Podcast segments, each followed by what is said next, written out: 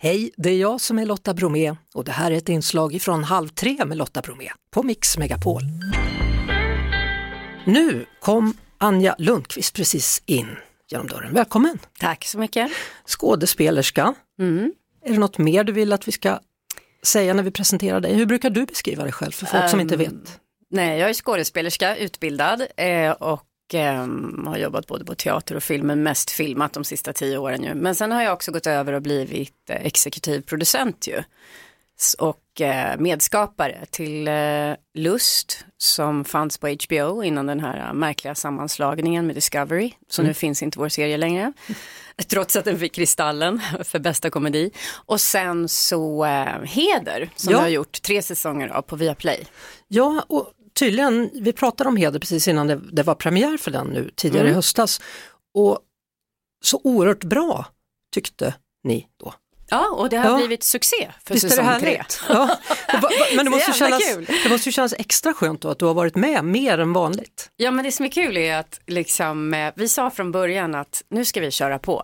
Får vi göra fler säsonger så ska vi liksom inte göra det här eh, perfektionistisk, tjejiga grejen som i alla fall min generation har haft lite, att det måste vara perfekt från början. Så att jag tycker att säsong tre är tusen gånger bättre än säsong ett. Men säsong ett är också bra, men att vi har fått utvecklas liksom och få vara kvar. En, när man slår på ditt namn, när man Ja. googlar på det, så en av de första sakerna man hittar då är citat, jag vill få mer makt över det jag gör. Ja, Exakt det som hände då med andra ord. Exakt. Ja. Exakt, för det var väl lite chocken redan för, vad är det, 20 år sedan jag gick ut scenskolan. Ja, lite drygt faktiskt, att eh, fast jag får inte vara med och bestämma. Och innan jobbade man ju fria grupper eller letade reda på pjäser och det här vill vi berätta. Så det har jag saknat faktiskt under hela karriären fram till de sista fem sex åren då. Mm. Men får du i alla fall välja nu om du blir erbjuden ett knippe roller eller är det någon manager som säger det extra bra om du tar den rollen? Nej, Sverige är så litet, så är man i min ålder, 51, då är det inte så många erbjudanden som kommer flygande faktiskt. Tyvärr, men, men visst får jag erbjudanden och många är jättebra. Men vad då 51, vad går gränsen då? Nej, jag tror inte det finns något, det är inte det, det är, det, att det, det är ett så pass litet land. Och, men det som är fantastiskt de senaste tio åren är att det har gjorts så mycket tv. Eh, att den industrin har blomstrat så, så att så många har fått jobba, för det finns så många fantastiska skådespelare i Sverige. Men, men det som är lite sorgligt då det är ju liksom hur mycket mer sällan går vi på bio? Mycket, mycket mer, eller hur? Ja. Det är som att eh, det, det, det är väl lite att eh, tv-serien har blivit våran, våran tids lägereld där vi samlas liksom och sen kan vi prata om det dagen efter på jobbet, vad vi såg och vad vi fick uppleva. Men den här bioupplevelsen, den har liksom lite försvunnit, tyvärr tycker jag. För tycker jag med, jag, jag gillar att gå på bio. Ja, jag gick faktiskt på Triangle of Sadness nu, för, och det var första gången jag gick på bio på flera år.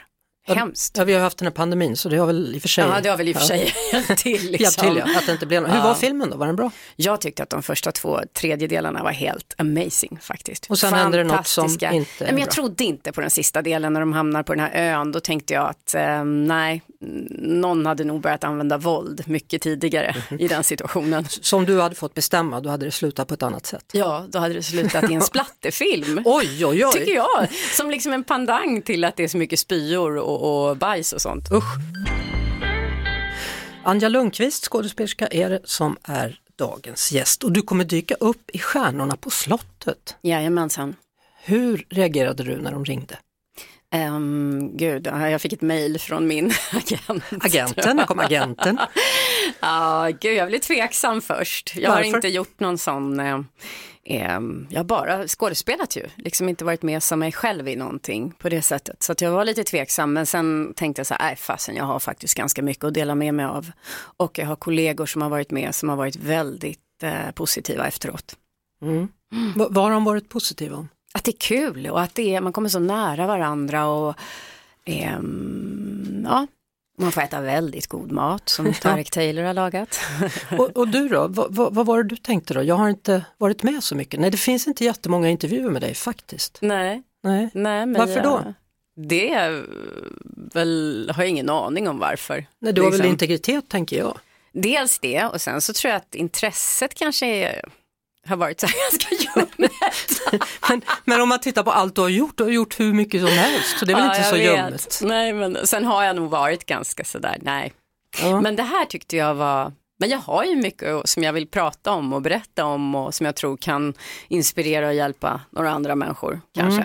Lars Lerin, Jon Henrik Fjällberg, Carolina Gynning och Pia Johansson. Mm. Var det någon som överraskade dig? Alla, eftersom jag är en sån usel tv-tittare.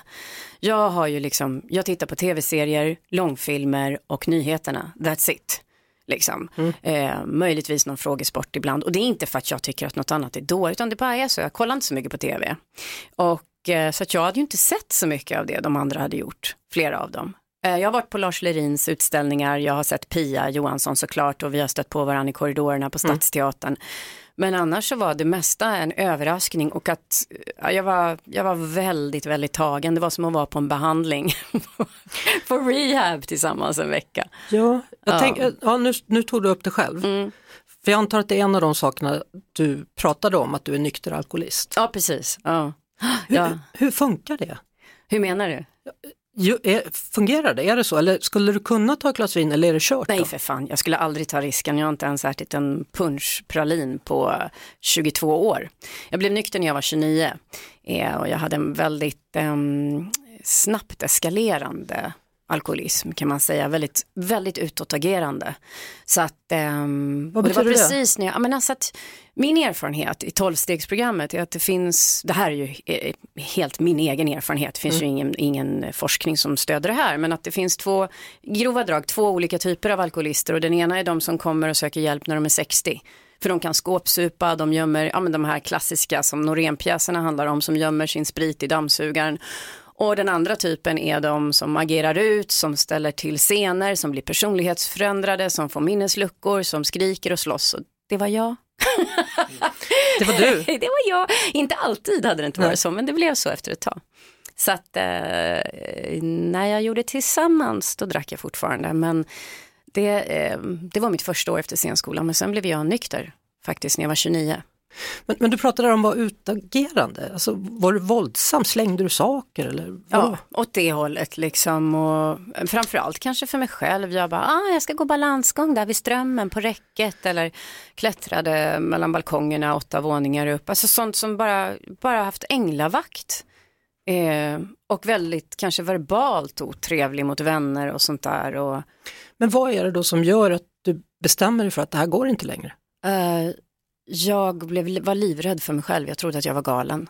Jag, jag kände ju inte igen mig själv. Jag var livrädd för vem jag blev och också upptäckten av att jag kommer ihåg jag gick in på en fest och jag hade med mig en flaska Amé eller vad det heter, någon sån här hälsokostvin. Som, det fanns ju inte så många alternativ då på 90-talet men jag hade med mig den, den fanns på hälsokostaffären. Och jag hade bestämt mig för att jag ska inte dricka ikväll, jag ska inte göra bort mig för de här människorna. Och jag kommer in på festen, ser en snygg kille som jag gärna vill prata med. Det här låter ju otroligt ytligt men så ytligt var det. Går in, tänker inte, ställer den där i, i kylskåpet och går fram till bålet och börjar dricka och kvällen slutar i katastrof. Liksom.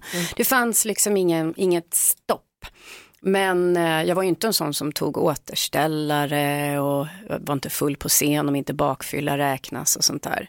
Så att det, det ser lite olika ut för olika människor. Det, det är inte så stereotypt som många tror. Men, men var, det liksom, var det ett sätt att koppla av för dig eller var det ett sätt att våga mer? Eller var det Jag att... tror det var ett sätt att eh, koppla av och lyfta på locket, lätta på trycket. Jag hade ett enormt tryck inombords, en enorm energi, en enorm så mycket känslor som jag inte visste vilka känslor det var. Jag var väldigt orädd, väldigt framåt. Eh, det jag inte visste var innan jag blev nykter sen då, det var att jag var avstängd.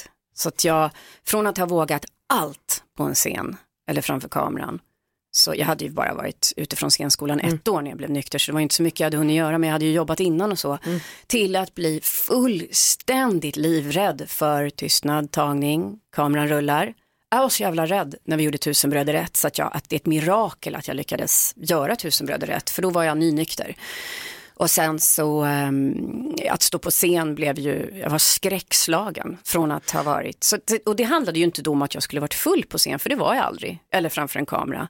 Utan det var, och det tror jag är det som många missar med alkoholism, det är att vi har ingen kontakt med våra känslor vi är vana vid att reglera dem. Mm. Lätta på trycket eller fira eller höja. Är vi glada ska man höja glädjen. Är vi ledsna så ska man dricka och tycka synd. Och, alltså, ma- man har inte lärt känna sig själv så egentligen var jag liksom en tonåring plötsligt igen.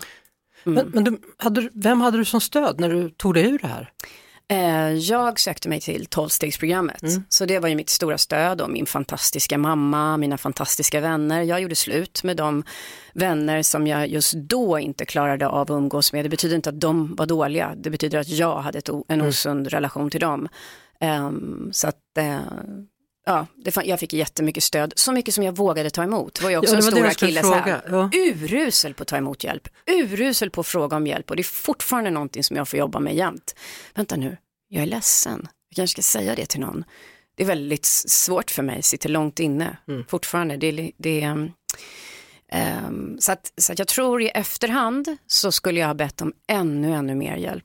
Men när jag hade varit nykter i ett år, då kände jag att jag måste gå en behandling också. Jag kan inte bara komma från gatan och klampa in på tolvstegsprogrammet. Jag mår inte bra, fortfarande inte bra.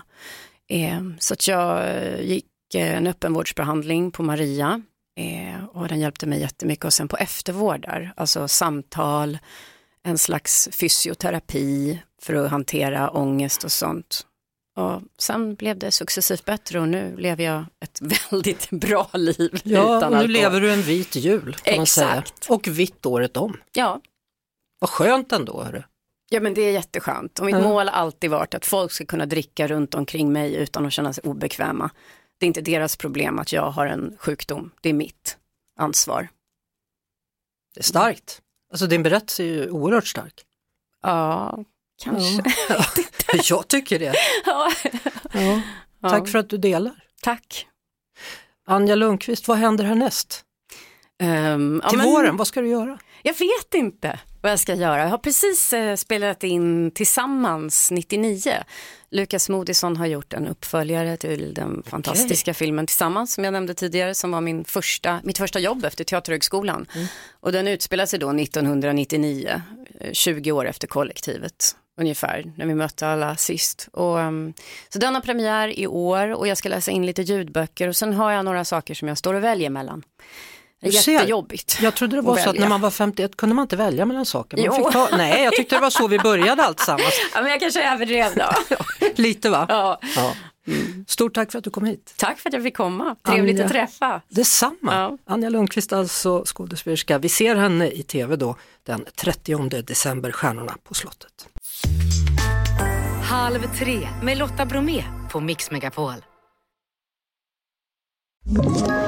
Ett poddtips från Podplay. I podden Något Kaiko garanterar östgötarna Brutti och jag, Davva, dig en stor dos skratt. Där följer jag pladask för köttätandet igen. Man är lite som en jävla vampyr. Man har fått lite blodsmak och då måste man ha mer. Udda spaningar, fängslande anekdoter och en och annan arg rant. Jag måste ha mitt kaffe på morgonen för annars är jag ingen trevlig människa. Då är du ingen trevlig människa, punkt. Något Kaiko, hör du på Podplay. Därför är gardinerna.